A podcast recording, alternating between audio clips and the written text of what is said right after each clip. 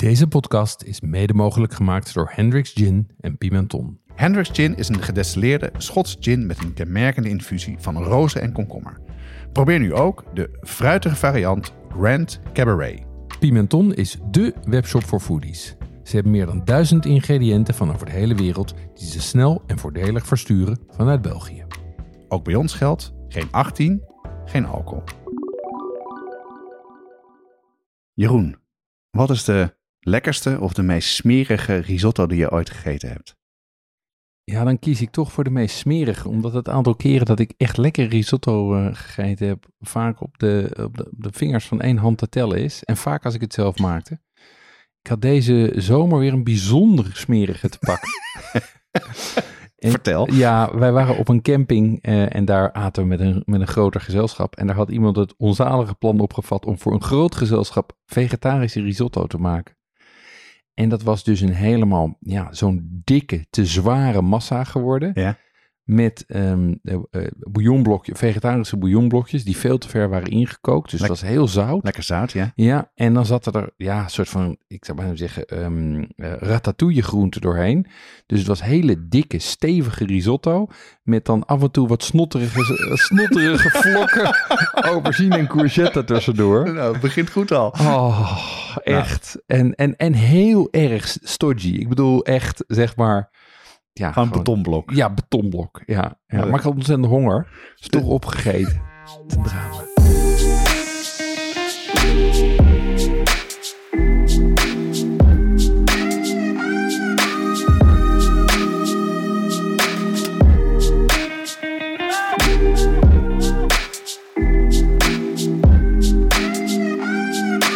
Wat schaft de podcast? Gaat over lekker eten en drinken, zelf koken en buiten de deur eten. Het is voor iedereen, van de beginnende tot de ervaren thuiskok.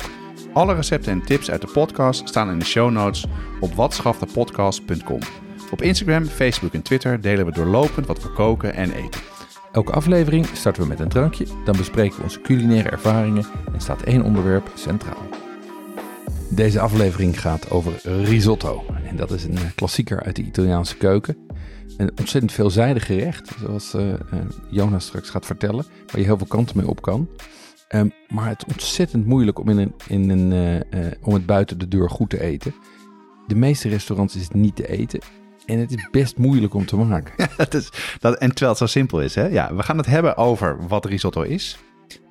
Wat voor rijst je daarvoor kan kiezen. Want er zijn er veel meer dan de ene risotto rijst zonder afzender van de rijstkorrel in de supermarkt. Tips hoe je het goed moet maken. En we eindigen met veel recepten. Ja, en eh, hier voor mijn neus staat een, eh, staat een bordje risotto die eh, Jonas net heeft gemaakt. Ehm, en hij neemt al stiekem een hapje. Maar ik heb ondertussen ook even een glaasje ingeschonken. Ja, want bij een glaasje hoort een hapje. Nou, dat is, ehm, ik pak hem erbij, Jeroen. Het is in een wijnglas, rode wijn. Ik kijk eerst even naar de kleur. Hij heeft een hele mooie soort van roestbruine kleur. En een verloop heeft hij er ook in zitten. Ja, en qua geur, hoe zou jij dat omschrijven? Hmm. Ik, de geur is eh, wat mij betreft eh, bloemig. Je ruikt dat hij al wat ouder is. Ehm, en hij is, eh, eh, ehm, Mm. en als je hem proeft, is hij heel licht en elegant. Maar in de geuren zitten ook wel Ja. iets, zitten ook wel hints van, van, noot, eh, van drop. En ehm, eh, wat, wat diepere geuren. Ehm, dit is een, eh, Ik eh, zou, eh, dit is een toppertje, Jeroen. ja, het is een toppertje. Eh, er zit ontzettend veel lengte in, zoals ik van jou geleerd Er, heb. er zit, ja, Want je neemt de eerste slok die je neemt, is dan, zit wat tannine in. ja, En een beetje fruitig ook wel. Ja. En een beetje zuurig. Maar daarna komt een soort van... Alsof je, ja, hoe zou je het zeggen? Voor een open haard zit en het vuur langzaam over je heen over je heen komt. Ja. Wat, wat dit is, dit is een Barolo. Ah, Ehm, dat hoopte ik al. Ja, ik heb overlegd met uh, Xavier Kat van Okhuizen. Eh, wat we Mm. gingen maken. En zei, ja, risotto is zo veelzijdig, kan je heel veel kanten mee op. Toen vertelde ik dat jij ehm, paddenstoelen had geplukt. Dus dat we waarschijnlijk met paddenstoelen gingen maken. Zei, nou, dan zou ik daar een, oudere Barolo bij schenken. Want dat geeft een hele mooie combinatie. Dus dit is een Ceretto uit 2015. Ehm, mensen denken vaak dat Barolo zwaar is. Heeft natuurlijk de reputatie van de grote wijn. En dat associëren mensen meteen met zwaar. En dat is niet zo, hè? Want ik heb is- dus eh, in de zomer in Italië een keer Barolo gaan proeven. En toen dacht ik, huh? Dit is helemaal geen, eh, geen smaakknaller of wat dan ook. En heel subtiel, een beetje Bourgogne-achtig uh, complexiteit. Ja. En um, nou, wat we erbij eten, we eten risotto. En uh, ik heb een risotto gemaakt die gemaakt is met de rijst, waar ik zo veel meer over ga vertellen. Die uit de buurt komt van de Piemonte, waar mm -hmm. ook de Barolo vandaan komt. En dit is een, een, een gerecht wat um, komt uit Ligurië, wat er mm -hmm. tegenaan ligt. En um, het uh, grappige is namelijk, het is een gerecht met gedroogd eekhoornsbrood. Ik heb er wat verse bij gedaan die ik geplukt heb. Want ja, dat is, uh, ik heb weer paddenstoelen gevonden. En, maar er zit ook anchovies doorheen. En er zit ook tomaat bij. Ja. Dus dat is een, dat is een umami-bom van ja. de eerste orde. Hij past er goed bij, hè? Hij past heel goed. En hij wordt. En wat ik ook leuk vind, is dat hij nu. Die tannines die hij in eerste aanleg een ja. beetje had, die, die, worden nu, die zijn nu minder prominent. Ja, doordat je, je die vettigheid hebt van die, uh, van die risotto en dat zout. Um, en tegelijkertijd komt juist die lengte en die rokerigheid, die komt meer tot zijn recht, omdat ze feitelijk een soort van, bij wijze van spreken, een podium hebben om op te staan. Ja, en wat ik het grappig vind, dus ik heb voor het eerst het uh, gerecht gemaakt, maar wat ik wel geleerd heb, is dat um, risotto's kunnen ontzettend vettig en, en zwaar zijn. En mm -hmm. dit is dus deze helemaal niet. Er zit heel weinig olie doorheen en heel weinig boter doorheen. En ik dacht, nou, dat is echt een soort van uh, ontploft in je gezicht, maar het is toch nog best wel subtiel. Ik vind hem heel subtiel. Um, wat, uh, wat heb je de afgelopen dagen uitgesproken, Jonas? Oh, ik neem even een hap nog. Um, ik kan hier wel aan wennen trouwens, dat we gewoon bij de podcast ook meteen wat te eten en te drinken hè? hebben. Ja, ja, ja, ja, dat vind ik ook, ja. ja. Wat heb ik gedaan? Nou ja, zei het al. Ik heb, um, ik, um, zodra het regent en het lekker weer wordt, dan, uh, dan gaat mijn hart sneller kloppen. Mm -hmm. Mijn paddenstoelen plukhard. Want mm -hmm. uh, ik heb het virus enorm te pakken. En ik heb eekhoornsbrood gevonden. Dus ik heb een plek gevonden. En ik ben er al drie keer terug geweest. En elke keer is het a, a place that keeps on giving. Ja? Ja. Ik ga morgen weer. En verschijnen ze dan ook op dezelfde plek? Of ja. staan ze... Ja. Oké. Okay. Ja, ik was aan het lopen door het bos en ik zag zo... Ergens uh, in het gras zag ik dus een paddenstoel staan. En ik had dat nog nooit gevonden. Ik heb er één keer gevonden. Of twee keer, maar één keer uh, echt. Dat het een goede was. En ik zag hem staan en denk nee, dat is eekhoornsbrood. Gewoon, gewoon ontegenzeggelijk. Meteen. Dat, dat is het, ja.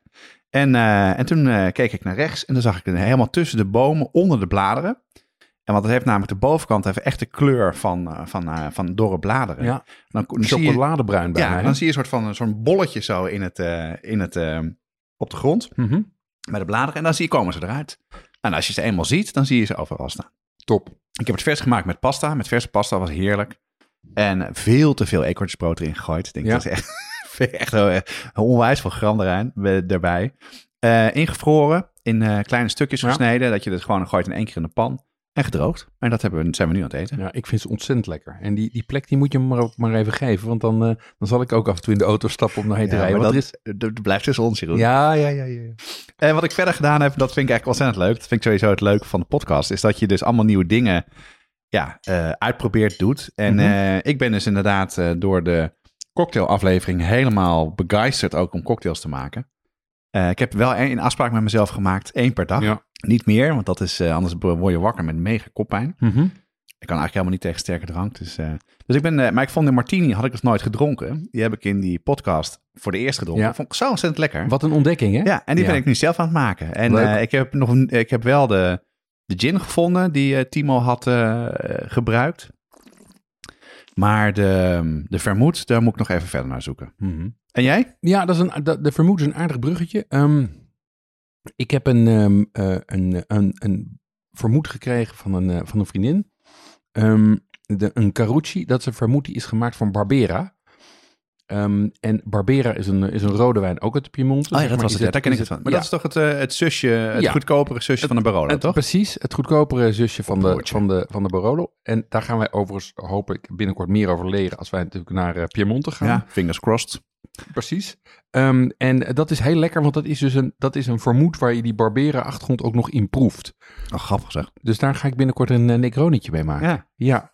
Ja. En wat voor gin ga je dan gebruiken? Ja, ik, ik denk dat ik dan voor wel een, voor een drogere, klassiekere gin ga ja, kies. Ja. Dus meer Gordons-achtig. Ja, een Beefeater, een Gordons of een Tanqueray in die hoek, zeg maar. Niet te floraal. Um, dus dat was, uh, dat was een succes. En verder heb ik uh, alweer een tijdje geleden van, uh, van Titi Waber van restaurant Blauw... Um, heb ik een, een Ah, potje um, sambal Nonna Carolina gekregen. Wat zij, maakt, ja, het, zij maakt natuurlijk, ehm, eh, eh, Titi maakt verse sambals. En zij heeft ze voor het eerst gemaakt van Carolina Reapers. De heetste peper ter wereld. Ah, ja. Ja, ja. Ehm, en ehm, nou, dat, dat vond ik wel interessant om te proeven. Mijn, eh, mijn, vooral mijn oudste zoon is ook nog een fire eater. Dus die zijn kom maar door. Maar ik moet zeggen, ik was, ik, ik was bereid, voorbereid op het ergste. Maar hij was ontzettend lekker, heel aromatisch en wel echt pittig.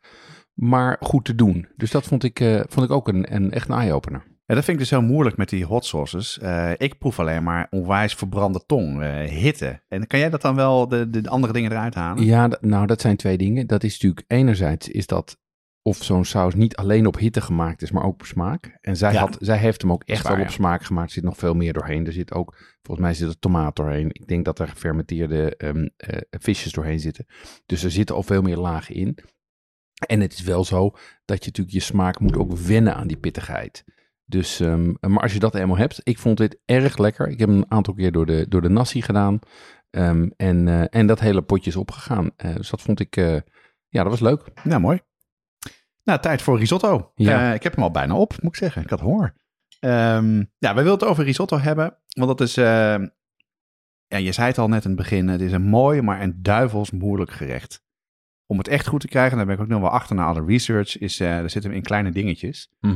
En eh, jij had het over de vieste die je had gegeten. Nou, ik heb mijn lekkerste ooit gegeten in Sicilië. Oh ja? Ja, was misschien ook wel de setting met mijn eh, huidige vrouw, maar we kenden elkaar toen net. Mhm. En dat was, ehm, wat ik er heel grappig aan vond, was een keer wat anders dan je normaal kent. Dat was er eentje, volgens mij met kreeft Mhm. of met garnalen, dat ben ik vergeten. Maar er, zaten dus, eh, er zat maanzaad overheen. En aan de zijkant zat een bisk, een soort van eh, een beetje een bisk saus. En elke keer pakte je dus met je, met je vork een, eh, een hap van buiten naar binnen. Dan had Ja. je een beetje van die hele lekkere biske-achtige saus, wat je misschien ook wel kent van... Bouillabaisse? ja, bouillabaisse, Mhm. ja. Eh, dat, zo- zo'n soort smaak. En dan de risotto, met, heel goed gemaakt. En als laatste kwamen dan die, die maanzaadjes, die knesperen zo in je mond. En het was echt ontzettend goed. Klinkt goed. Dus ehm, Maar misschien moeten we het even hebben over wat, eh, wat risotto eigenlijk is. Kun je dat uitleggen, Jonas? ik kan het zeker uitleggen. Ja, ik heb er, eh, we ben er lang genoeg mee bezig geweest, kan ik je vertellen. Ehm, nou, daarvoor heb ik, moet ik zeggen, ik heb een kookboek, heb ik al een tijdje gehad. Dat is eh Tutto Risotto van eh Florine Boucher. En eh, nou, een bekende eh, culinair journalist. Die heeft Mhm. een tijdje heeft ze daar, eh, is ze daar gaan wonen in, ehm, in de Po-vlakte. En heeft zich helemaal toegelegd op risotto. Dat is een fantastisch boek, zal ik op de site zetten. Ja. Ik weet niet meer of het nog eh, verkocht wordt, maar je kan het nog wel ehm, tweedehands vinden. Eh, en daar gaat gewoon alles over risotto. Hm. Dus dat heb ik daarbij gebruikt. Het is een gerecht met rijst, Ja. met bouillon en met smaakmakers. Dus het is eigenlijk een vrij simpel gerecht. Ja. En eh, de Italianen zeggen dat het rijst is die romig gemaakt wordt door boter en kaas, wat je als het laatste er, eraan toevoegt. Maar het punt is, die rijst die eh, gaart anders dan je gewend bent. Het Oké. is niet dat je hem kookt, maar je moet ervoor zorgen dat de bouillon wordt opgezogen door de rijstkorrel. Je weekt hem bijna. Ja, weken, dus, dus de, denkt één Als een couscous of... Ja, die stoom jij, Jeroen. Oh ja. Ja, tegenwoordig. Oh ja. Wrijven en stomen. Damn. Ja. nee, maar ehm, het idee is dus ook, wat ik denk dat veel mensen verkeerd doen, wat ik in ieder geval verkeerd deed, is dat je eh, eh, de bouillon erbij gooit bij de risotto en dan gewoon kookt. Ja, hard Heet. koken. Ja, dat Ja. moet je dus niet doen. Het, eh, Want dat heeft geen zin. Daar gaat, die, daar gaat de rijstkorrel niet sneller van het vocht opnemen. Dus dat is eh, een belangrijk ding. Ehm, en de rijst is anders. Daar zal ik zo veel meer over vertellen. Maar Mhm. eh, wat je wil, je wil aan de ene kant een bite hebben. Dus je Ja. een droge rijst hebben. Ja, een soort van al dente wijnen, Ja, zoals met en- sushi. En dus zoals basmati rijst en, eh en pandan rijst. Wat zijn lang, lange rijst, Mhm. langvormige rijstkorrels die ja, los van elkaar zijn. Maar je wil ook een plakkerige, smeuige, smeuige rijst hebben. Ja. En dat is veel meer de, de sushi rijst of eh ander soort rijstsoorten. Die, maar dat is dus een, het is een soort van perfecte combinatie van die twee dingen. Helder. Ehm, en wat jij al zei, het kan enorm slecht gemaakt worden in restaurants. Ja, eh, eh, ik bedoel, bijna hetzelfde als met pasta. Verschrikkelijk, een slechte risotto is echt heel verschrikkelijk. Ja. Maar Jonas, jij gaat ons vertellen hoe wij de perfecte risotto maken. Zeker, want eh, de perfecte risotto, daar is veel over te doen, want die is er namelijk niet echt. Hoe vind jij hem lekker? Ehm, ja, ik vind hem lekker als hij alonda is. Dus als hij, als hij golvend is. Ja. Ehm, Dus eh, veel vocht. Ehm, nou, wat ik, vooral, wat ik vooral lekker vind is als hij niet stodgy is. En, En stodgy, en- eh, bedoel je Ja, dat bedoel ik dat, hij, dat, hij, dat, hij, dat het niet zo- zo'n dikke klont is. Dat het geen, geen Een te bal. dikke havermout is die je zit te eten. waar je een, een soort van sneeuwbal van kan maken en iemand zijn gezicht ja, kan gooien. ja, wat ik deze zomer had, dat, dat wil ik niet. Nee, ik wil dat hij, ik wil dat hij, dat en mijn beste ervaring is als hij inderdaad bijna papachtige dikte is. Nou ja, Maar ik moet zeggen, die we nu voor onze neus hebben staan, die is niet papgolvend, maar die is toch lekker. Dus misschien ben ik mijn definitie van perfect wel aan het verschuiven. Ja. Hoe Maar zit dat eigenlijk met die consistenties? Er zijn eigenlijk drie soorten, wat jij zegt. Dus de eerste versie is eh à la onda, vloeiend. Ja. Nou, dan trek je dus een, met een houten pollepel, trek je een streep, vloeit die meteen dicht. Ja, Dus snel vloeiend. Eh, de tweede is eh à la onda priga. ja, Dan eh, gaat die traag dicht, eh, die streep. ja. En de laatste die we nu aan het eten zijn, is droog. Asciutto, dat is geen vocht meer. Dus dan eh, is eigenlijk de vocht helemaal weg. En, eh, en dat is een beetje afhankelijk van ehm, wat je lekker vindt. Wat Mhm. jij lekker vindt. De rijst die je gebruikt. Want de rijst die we hier gebruikt hebben, die heeft een, heeft een karaktereigenschappen om het vocht snel op te zuigen. Waardoor er ook minder zetmeel uitkomt. En dat het dus minder ja, eh, bindt en minder Mhm. eh, saus bij zit. En, en, de, en de streek. En, en, ja, ja, en de streek heeft natuurlijk weer met de soort rijst te maken, ook Ja, vaak. Ja, Ja. zeker weten. Ehm, goed, hoe komen we dan bij die perfecte risotto? Wat zijn, de, wat zijn de basishandelingen voor het maken van een risotto? Nou, je zei het al, het is, het, het, het is, een, het is een verduiveld simpel gerecht. En ehm, daar moet je een paar dingen gewoon eh, goed doen. En, het begint als eerste. Eh, de Italianen die zeggen dat er drie handelingen in de pan zijn. Ehm, en de eerste is dat je het vet wat je gebruikt. Mhm. En vroeger gebruikten ze nog wel eens eh, boter en andere soorten vet. maar tegenwoordig voornamelijk olijfolie. Eh, die moet je aromatiseren. En dat doe je over het algemeen met een ui. En bij wat eh, heftige gerechten doe je dat met, een, met knoflook Oké, bijvoorbeeld. Maar niet zoals ik altijd deed met een cifrotto, of hoe zeg je dat? Een- sofrito. Sofrito. Eh, ik deed altijd peen, ui en, eh en selderij. Selderij, ja. Ja. Dat, dat, en, en je moet heel weinig doen. Oké, Ja, het gaat er echt om dat je smaak geeft aan eh, het vet. oké. Het, is een, het is een subtiel aroma. Het is feitelijk geen, er zit geen groente in, je, in, in, in de basis van de risotto. Nee, want dat zijn nou je smaakmakers die Ja. je er later bij doet. Oké, En je doet er een beetje zout bij. Zodat je helpt dat je het. eh, je moet, het mag ook niet verbranden. Het moet echt zweten. Het moet echt. het tweede stap die je neemt is het invetten van de rijst. ja. En ook hier gebruik je weinig vet. Het idee is ook, dat heb je nu ook, er zit heel weinig, er zit een 1 eetlepel, nee 1 theelepel olijfolie in. En 15 gram boter voor 6 voor zes porties. Dat is veel minder dan ik normaal doe. Ja, en ik ook altijd deed. Hm. Dus het idee is ook, minder olie is Ja. minder zwaar op de maag. Dat is deze dus ook niet. Nee, hij is heel licht en Ja. elegant. Ja, en dus Net als dan, die wijn. Dan heb je ook nog trek in, Ja. in een volgend gerecht. Ja, want het is natuurlijk gewoon een primo. Het is een, het is een, eigenlijk is het een voorgerecht. Ja, Oké. Ja komen we zo op terug. Hmm. Toch? Heb jij Ja, een ja. duidelijke mening over? Daar heb ik een hele duidelijke mening over. Nou, dat is stap 2. En de Ja. derde stap is het roosteren van de rijst. En dat doen mensen vaak ook te heet. Het idee is ehm, dat, je, ehm, dat die warm onder de duim is. Over het algemeen. Dus je, je, je, je bent aan het... ehm, het duurt een paar minuten. Je bent het op een medium hoog vuur aan het eh, roosteren. Ja, en als je je duim er, erop drukt, dan Ja. moet die niet pijnlijk warm zijn oké. heet onder de duim is als het dus echt heet voelt. En dat je hem eigenlijk weg wilt trekken omdat hij eh, je vinger begint te verbranden. Dus dat moet je een beetje aan, aanvoelen, uitproberen. Eh, de pan maakt ook een grote, eh, is ook belangrijk, een grote brede pan.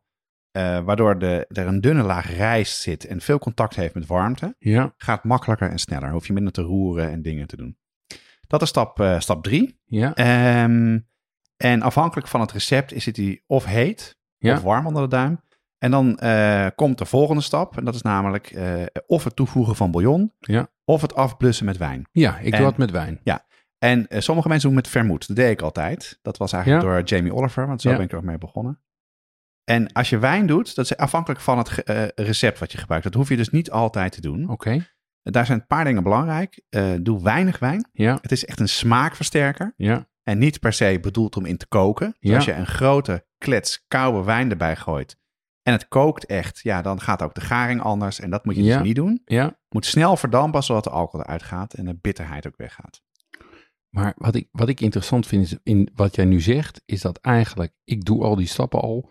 maar ik doe ze allemaal veel te groot. Dus jij zegt weinig aromaten, weinig vet, weinig warmte, weinig wijn. In Ja, ieder geval of geen- relatief. Of geen wijn. Ja. Hm. En ehm, daarna begint het eh, de stappen die de meeste mensen wel kennen. Dan ga je of je smaakmakers... Nee, dan doe je de bouillon. Ja, Eh, over het algemeen duurt het tussen de 15 en 19 minuten.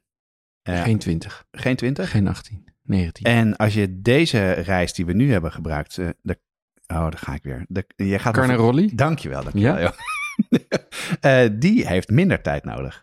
Eh, dus ook afhankelijk van de soort rijst heb je minder dan, heb je of 15 minuten nodig of iets meer.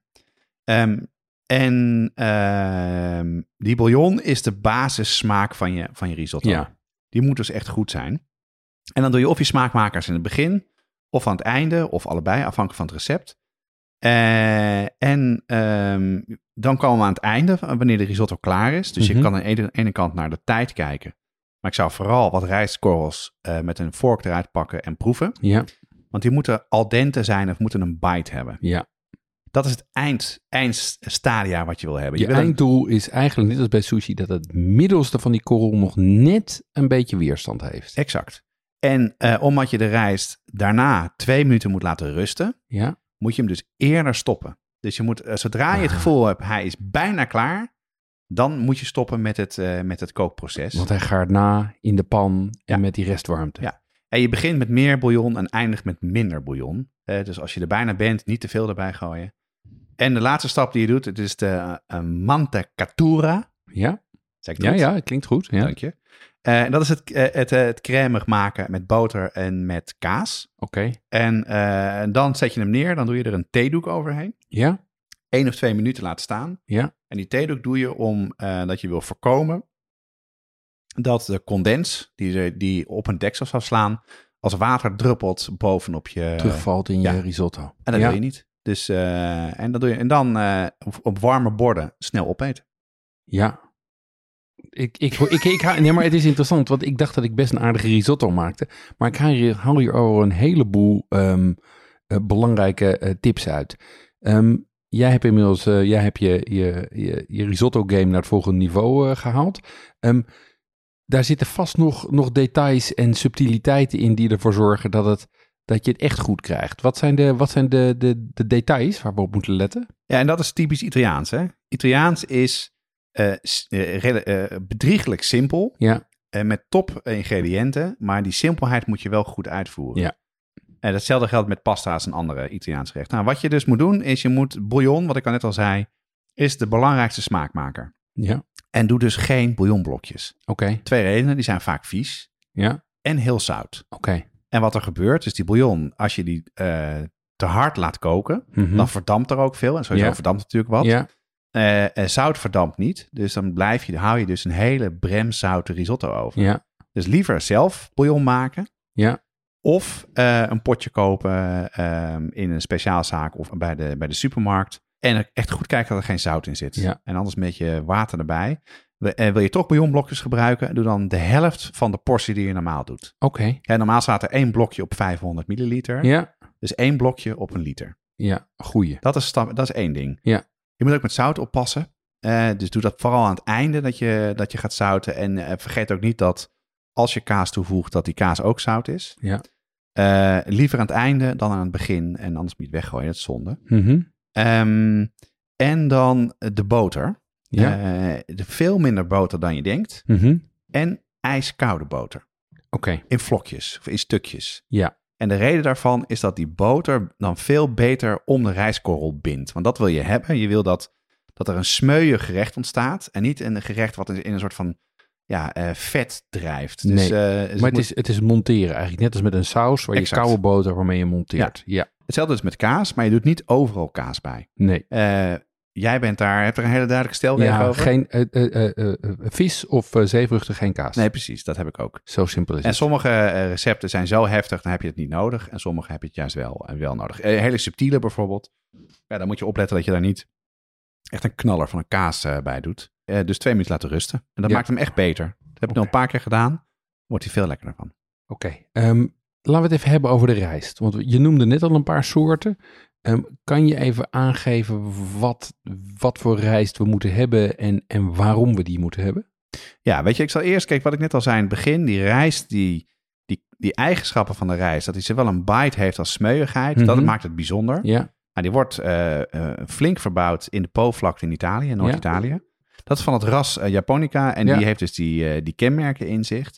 In zich. En dat heeft te maken met zetmeel. oké. Ehm, aan de ene kant heb je zetmeel aan de buitenkant, eh amylopectine. Ja, eh, dat door roeren eruit ja, oplost in vocht en de smeuigheid en de binding geeft. ja, Aan de andere kant heb je zetmeel in de kern van de rijstkorrel, am Mhm. amylose.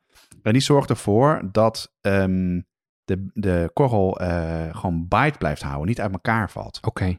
En sommige typen rijst, Ja, risotto rijst, hebben andere verhoudingen van die zetmeel en andere eigenschappen. ik snap het. En je kan het ook zien. eh, aan de buitenkant is een doorzichtig, als je een rijstkorrel pakt. Ja, De buitenkant is doorzichtig en de binnenkant is een beetje troebel. ja. En, eh, dat zijn die verschillende rijst, ja. eh, die verschillende ehm, eh, vormen van zetmeel. Ja, en begrijp wat is dat? als je een rijstkorrel hebt met veel zetmeel in de kern, Ja, dan kan hij sneller vocht opnemen. Zoals de rijst die we nu hebben.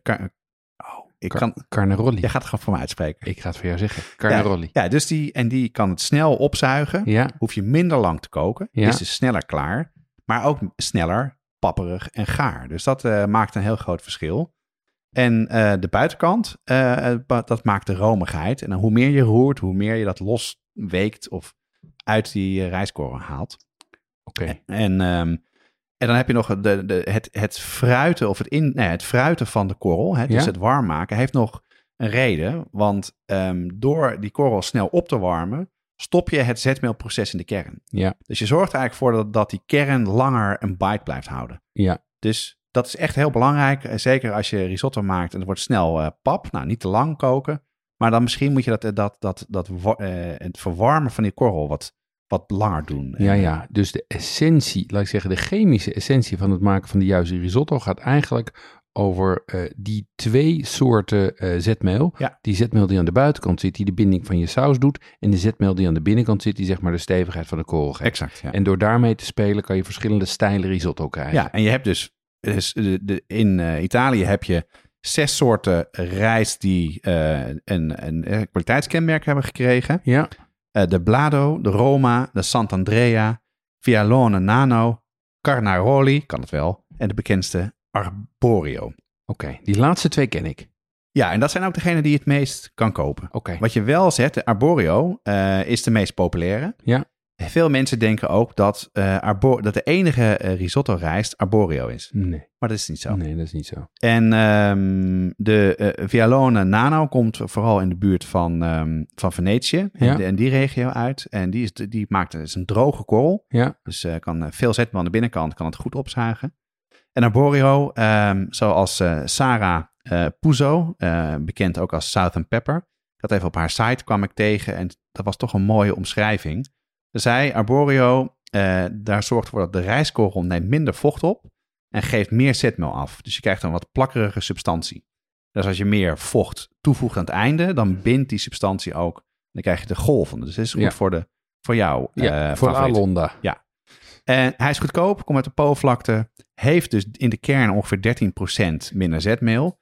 En dan zou je zeggen, hij neemt minder vocht op, Ja, eh, dan zou hij toch ook minder snel gaar zijn, denk je, of minder kapot gaan. Maar het duurt langer om al het vocht op te nemen. snap ik. En door die lengte is de kans heel groot dat, dat, dat, je, dat het gewoon pap wordt. Dat die Ja, ja, ja. Dus, dus bij die, bij die, eh, als je die rijst gebruikt, wat het meeste denk ik is wat mensen doen, moet je gewoon heel erg opletten dat je niet te lang doorgaat. Arborio is een gevoelig korreltje. Exact, ja. Hmm, Goed. Die, die andere, die eh, Carnaroli? Ja, dat, eh, daar zegt eh, Sarah over dat die eh rijstkorrel veel meer vocht absorbeert. Mhm. En daardoor krijgt, is hij ook eerder gaar. En dan krijg je een heerlijke, romige risotto. Oké. En eh, deze is, dit wordt ook, deze heeft veel meer zetmeel in de kern. Ja, Die kooktijd is dus korter, dus Ja. minder snel kapot gaat hij. Maar het geeft minder zetmeel af aan de vocht. ja, Dus je krijgt een minder romige saus. oké. Dus, eh, en dat wat we nu ook hebben, eh, het, het- dat hadden we dus nu ook net niet in het recept wat we hadden, wat we gegeten hebben. Maar dit is ook wel, dit is de duurdere versie. Ja, Ehm, hij komt uit Piemonte en Lombardije. Ik had eh, voor vandaag, was ik even op zoek gegaan naar risotto rijst. Hè. Je kan het best goed in de supermarkten kopen. Ja. Deze twee merken ook. Hebben even gecheckt, maar zowel bij alle, alle supermarkten hebben ze wel. Ja. De Jumbo heeft het, vond ik ook, ook niet te duur. Nee? Dus ik dacht, nou, eh 2 euro voor eh 500 gram, dat is gewoon een normale prijs Ja. voor rijst. Eh, maar dat was toch even iets meer, want ik was volgens mij 18 euro kwijt voor een kilo. Ja, Bij een speciaalzaak. Ja. ja, ja, ja. Ja, maar dat heb je natuurlijk ook bij die sushi-rijst. Daar zitten toch grote verschillen in die kwaliteit. Ja. ook van de, van laat ik zeggen, pin één ras en één soort. ja. Ja. En, en veel van de sushi-rijst wordt dus ook in de Po-vlakte gemaakt. Is, is, is Italiaans. Nou ja, kijk, Japonica, dat doet al vermoeden dat het uit, eh, uit Japan komt. Ja. Dus eh, Nou, en, dus, en dit is ook een favoriet bij de chefs. Want hij is Ah. iets, iets notiger, iets lekkerder, zeggen ze. ja, En zeker subtiele eh, gerechten is dat natuurlijk gewoon, dan proef je dat natuurlijk ook heel goed. Ja.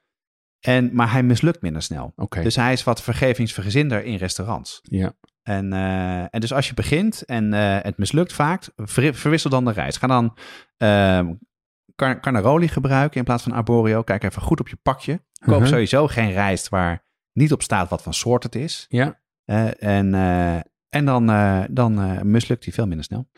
oké. Even, even terug, want jij legde mij, jij legde net de basisstappen uit. Ik heb ook even net staan meekijken bij, bij hoe je dit, deze, deze risotto maakte. Die maakte je niet door te roeren. Nee. Ehm, zijn er andere technieken dan, dan die drie stappen die je net beschreef? Zeker weten. En eh, er zijn er, eh, eh, het boek wat ik gebruikt heb hè, van, van Boucher, daar, die heeft het over zes soorten bereidingswijzes. Zes benaderingen om tot risotto Ja. te kopen. En, en maar grofweg zijn er eigenlijk twee hoofdsoorten. ja, De eerste, zoals hij het zegt, dat is zoals we het kennen. En daar voeg je dus stapsgewijs kleine lepels hete bouillon toe. en dan Hete roer je. Ja, En dan roer je wel of niet. Je Ja. gaat ook minder roeren, wordt hij natuurlijk minder plakkeriger. Eh, maar je moet in ieder geval roeren om te voorkomen dat hij eh, verbrandt aan de onderkant. ja, Eh, dat is de eerste.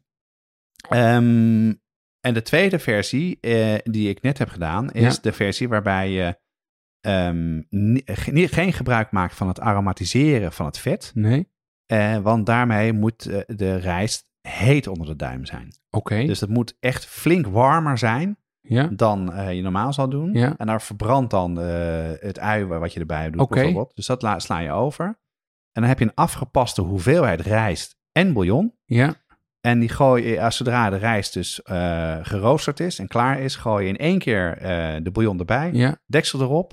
En dan de tijd die ervoor staat, 15 of 17 minuten.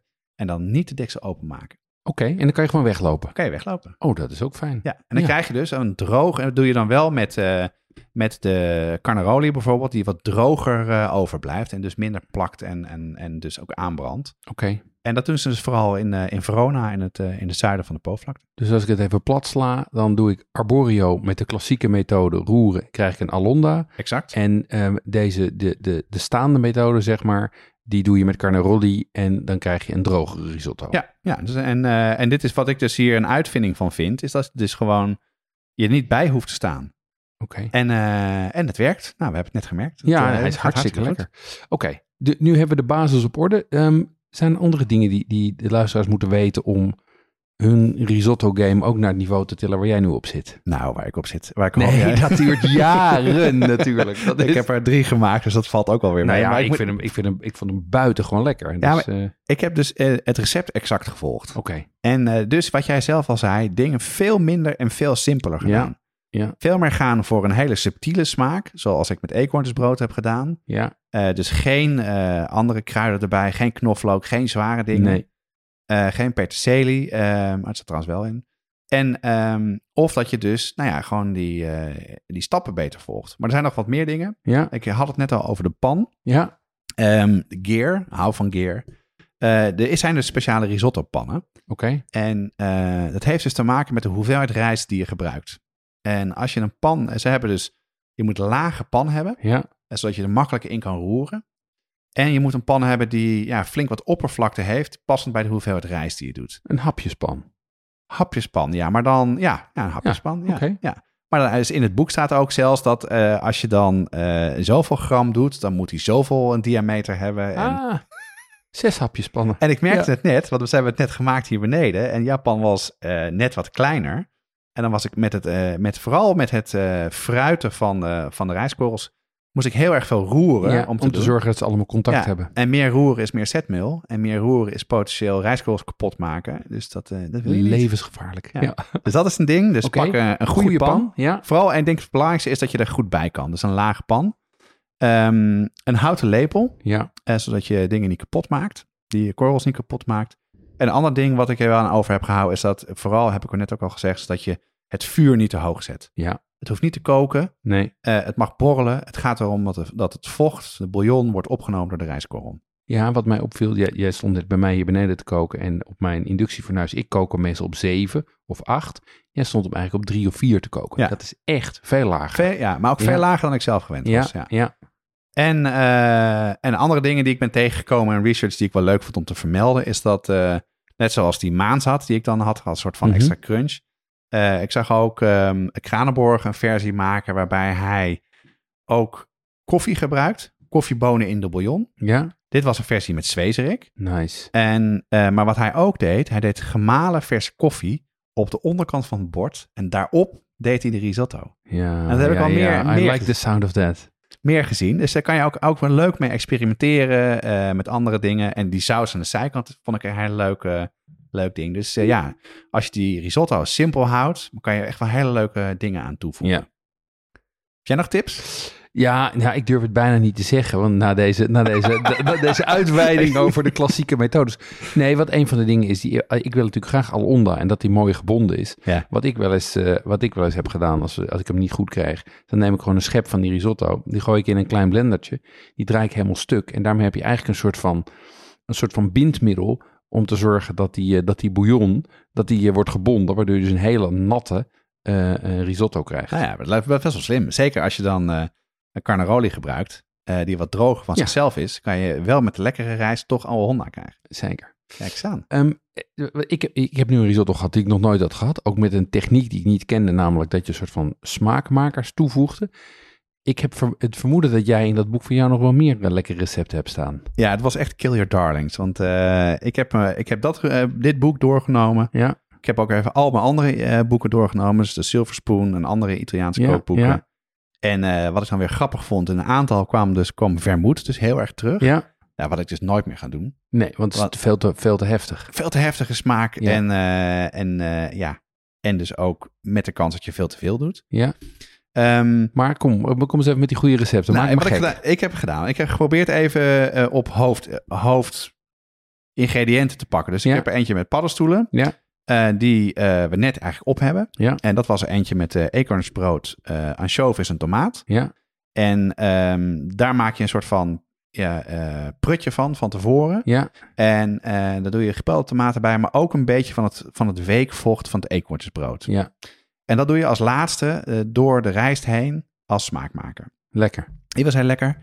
En dan een klassieker Ja. met specerijen. Dan kan je ook veel met specerijen maken. eh, is eh, de, de risotto Milanese. En dat Ja. is met, met merg en saffraan. Ja, dat merg is wel belangrijk. Hè? Mensen maken het vaak alleen met saffraan, maar dat merg is ook heel belangrijk. Ja, en merg voeg je dus in het begin toe. Dus wanneer je de olie erbij doet, doe je ook de merg erbij. Ah, nice. Nou, dan eentje met vlees. En iets wat ik veel doe, eh, wat je ook veel in Italië ziet, is dat je dus... eh, deze is dan gemaakt met eh, varkensworst Ja, en met spinazie. oké. En op welk moment, en voor, doe je er gewoon hele worst door? Of? Nee, wat je doet is, ik snij dan het velletje eraf. Ja. En ik druk eigenlijk het, het worstvlees eruit. Ja, En sommige slagers hebben dat ook apart. Ja. Ook om vragen. En in, Ja. in, in Frankrijk bijvoorbeeld is dat dus heel normaal om, Ja. in de supermarkt. En dat is natuurlijk al gekruid en lekker en vettig. En dat is heel lekker daarbij. Dat is echt een top, top risotto. en wanneer doe je die spinazie dan erbij? Die doe je in het begin erbij, zodra je de bouillon erbij gaat doen. Oké, oké, interessant. Ehm, we hadden het al even over vis. Heb je ook een, eh, heb je een visrecept? Ja, ik ben dus eh, vis en pasta. Daar ben ik nooit zo'n enorme fan van, behalve vongole. Ehm, maar deze vond ik wel heel erg leuk. Dat was eentje met mosselen. Met mosselen. En, en hoe, hoe, hoe maak je dat met mosselvocht? Wat je doet, is je maakt de mossels eh, zoals je het normaal doet. Ja. Je bewaart het vocht. Ja, Dat combineer je met je, met je visbouillon. Dus Ja. dat is wel, vond ik wel grappig. Dus geen zout bij de mosselen doen. nee, En eh, je maakt, net zoals we net hebben gegeten, een soort van prutje van eh, mosselen. Die je snijdt in de, in de grootte die je hebt. ja, En daar doe je nog knoflook bij. En daar doe je ook nog peterselie bij en wat ansjovis. En dat voeg je aan het, eind, voeg je aan het einde toe. dan geen boter en geen kaas. Kaas, Gelukkig maar. Ja, ik was al bang. vis Ja. is geen kaas. Vis is geen kaas. Oké, ehm, groente, kan je daar ook wat mee? Ja, dat is het leuke. Het, het, het leuke vind ik, als je eenmaal doorhebt hoe, eh, hoe je het goed krijgt. En je realiseert je, het is een simpel gerecht. Ja, Met één soort smaak. ja, Ook subtiel. ja. Kan je alle kanten op. Oké, En één eh, wat ik heel eh, lekker vond was eentje met courgette en met pesto. oké. Hoe snij je die courgette dan? Doppelsteentjes, klein. Die doe je net zoals de spinazie eh, erbij zodra je de eerste bouillon hebt toegevoegd. Ja. Dus die gaart eigenlijk met de bouillon eh, mee. Ja. En de pesto doe je erbij aan het einde als je het op het bord legt. Oeh, nice. Die drizzle je erop, zeg maar. Ja, en niet Oeh, meekoken. Nice. Want dan wordt het gewoon een beetje tranig, nee, viezig, dan eh. wordt het ook bruinig. Dat moet je niet hebben. Oké. Nou, dat klinkt Ja? goed. Was, Ja? waren, waren dat ze? Nee, nog eentje. En dat is met fruit. En je hebt, ik heb ooit een keer een klassieker gegeten met, eh, met citroen. Ik heb een keer eentje gegeten eh, in Italië, in de buurt van Napels aan de kust. eh, dat beroemd is voor citroenen. Dat was met Ja? citroen. Maar deze, ja, deze kwam ik in meerdere kookboeken tegen. En het, het- ik had een soort van kortsluiting in mijn hoofd. Maar risotto met aardbeien. Risotto met aardbeien. Risotto Picasso. Ja. of, of pizza met ananas. Oh man, maar dit is een Italiaans recept. Ja, en ik kwam, dus ik was eerst aan het twijfelen. Het, zat dus, Ja? stond in het boek eh, wat ik gebruikt heb, Tutti Risotto, maar ook in de Silverspoon. Oké. Ja, Silverspoon is toch klassiek Italiaans. Nou, dan eh, ik, ik, ik probeer mij daarvoor open te stellen. Eh, Vertel even, hoe, ga, hoe werkt dat dan? Nou, je maakt hem eigenlijk, je, maakt, je gebruikt hier wel wijn bij, maar dan Ja. gebruik je zoete wijn, muskaatwijn. Ja. Gewoon een normale bouillon, groente- of kippenbouillon. En je pureert de aardbeien met een beetje citroen Ja. of met balsamico. ja. En dat voeg je aan het einde toe. Dus als de, als de risotto klaar is, voeg je het toe. En dan boter en dan kaas. En dat is niet een dessert. Het is geen dessert. Wauw. Ik heb het nog nooit gemaakt, maar eh, ja, het is van het leuk om toe te voegen om dat je de veelzijdigheid eh, hier gewoon van dat recept, eh, van het gerecht eh, heel erg ziet. Oké. Ontzettend veel goede tips. Maar wat, wij, wat ik natuurlijk ook altijd wil eten is, weten is waar kan ik dit buiten de deur goed eten? Ja, en da- dan zou ik zeggen niet. Niet. Nou ja, weet je dat, eh, we hebben het er al een paar keer over gehad. Voor mij is het zo, eh, ik bestel het bijna nooit in een restaurant. Nee, want, eh, levensgevaarlijk. want ik heb het idee, als het dus heel snel komt, dan vertrouw ik het al niet. Want dan is het namelijk voorverwarmd Ja. en klaar. Het is nooit echt lekker. Nee. Ehm, ik zou het alleen eten in Italië of in echt een goede Italiaanse restaurants in, in Nederland of in Vlaanderen. Ehm, ja, en ik weet niet, eh, wat, kijk, we hebben het net al gehad van is het een voorgerecht of een hoofdgerecht? Ik vind het echt wel een voorgerecht portie. Want dan blijft het ook, eh, dan wordt het ook niet te veel. Nee. Dus, eh, en wij denken, het eten het vooral in Nederland als, als hoofdgerecht. Dus dat zou ik wat minder doen. Ehm, Ja, en weet je wat het allerergste is? Nee, dat- wat wil je oh. zeggen? Als mensen dat bijgerecht geven. Oh ja, nou, verschrikkelijk. Oh, dat je dan, dat, dat, dat, dat dan gewoon ineens zo'n klets, zo'n lepel, zo'n bol risotto met ijsbolletjes tang. Ja. Zo'n bol risotto naast je biefstuk of zo. Ja, Dat- dat is bij mij, als ik dat in een, eh, bij een restaurant zie, dan eh, bestel Nee, dan ben ik weg. Dan Nee. ben ik, maar dan, verla- dan ben ik ook ben ik in staat om het restaurant ook te verlaten. Nee, serieus. Risotto als bijgerecht. Ja. Zullen we dat even niet doen? Dus eten buiten de deur, ja, kies gewoon eh, echt een goede traditionele Italiaanse eh, restaurant. En eh, dan moet je het vaak met z'n tweeën bestellen, is een goed teken. En je moet er lang op wachten. Ja. Dan, dan is hij meestal wel goed. Ja, 15 of 19 minuten Ja. zou je zeggen. Ja, Exact. heel goed. Ehm, het vegetarisch repertoire kan je natuurlijk alle kanten mee op. Ja, wat, ik, wat mij leuk lijkt, is om gewoon een risotto te doen. Ja. En we zitten nu zo'n beetje begintijd van de herfst. De paddenstoelen eh, komen weer eh, boven Ja. in, de, in de bossen. Vind je het leuk om paddenstoelen te plukken? Dan is dat een perfect recept om eh, voor alles wat je gevonden hebt er doorheen te gooien. Mhm. Maar het is ook een prima, prima versie gewoon met paddenstoelen uit de supermarkt of van de, of van de markt waar je bent. En het is, ik, ik zet het recept op de site. De kern is eigenlijk dat je de risotto maakt zoals we net verteld hebben, op de eerste methode. Ja, Dus, en daar gebruik je bouillon voor. En je kan een paddenstoel eh, bouillonblokje gebruiken. Maar wat ik wel geleerd heb, wat heel erg lekker is, eh, als je gedroogde paddenstoelen hebt, dus liefst eh eh, eekhoornsbrood, want het is Ja. lekker stevig, dan kan je best wel wat bij de bouillon gooien. En dan wordt die bouillon gewoon echt een heerlijke paddenstoelen smaak. Ja, ja, dus dat ja. is, was een goede tip om te doen. Met de paddenstoelen bak je op. Ehm, wat was het ook weer, Jeroen? Hoe, champignons maak je eerst heet. Cham- champignonsbakje heet aan en daarna, daarna smoor je ze gaar. Ja, dus eerst en daarna doe je pas de smaakmakers, zout en peper erbij. Nou, op die manier maak je een paddenstoelenprutje, is het eigenlijk. En zodra het klaar is, doe je het erbij en dan eh, heerlijk. Top. Waar gaan we het volgende keer over hebben? Volgende keer gaan we het hebben over gebraden kip. Ja, oh, daar heb ik echt zin in. Ja. Eh, dat is echt een ding wat ik niet vaak maak. En, en jij gaat mij heel erg veel erover leren, toch? Want dat heb je vaak gemaakt. Ja, ik, heb het, ik maak het al jaren en eh, ik, eh, ik ben op dit moment bezig met research om het nog beter te doen. Ja. En ik ga jou deelgenoot maken van mijn, eh, mijn avonturen op dit glibberige pad richting de perfecte gebraden kip. Deze podcast wordt gemaakt door Jeroen Doucet en mezelf, Jonas Nouwen. Je kan reacties sturen naar jonas.watschaftepodcast.com of jeroen.watschaftepodcast.com. Maar je kan ook contact met ons opnemen via Instagram, Facebook, Twitter, via een DM. Je helpt ons uh, door onze podcast door te sturen naar één iemand die uh, ook van lekker eten en drinken houdt. Of laat een review achter op Apple Podcast. Zoals deze van uh, Belle Aau. en die is met als titel Mooi en vijf sterren, dankjewel daarvoor. Mooie Bourgondische lullo's met enorme verpassie in eten en koken. nou, man, lul. lul, man. Ja. Uh, een andere, die vond ik heel erg leuk, van Graf Oorlog. Zalig. Wat een prettige combi van gezellige gesprekken, informatie en plezier in ontdekken. Echt goed gemonteerd ook. Het loopt gewoon met een goede geluidskwaliteit en niet te rommelig. Er is één nadeel, het mag twee keer zo lang. Wauw, en dit was vlak na de aflevering met uh, Kees Goldkamp. Dus we weten wat ons te doen staat. Ja, ja. Tot de volgende keer. Tot de volgende keer.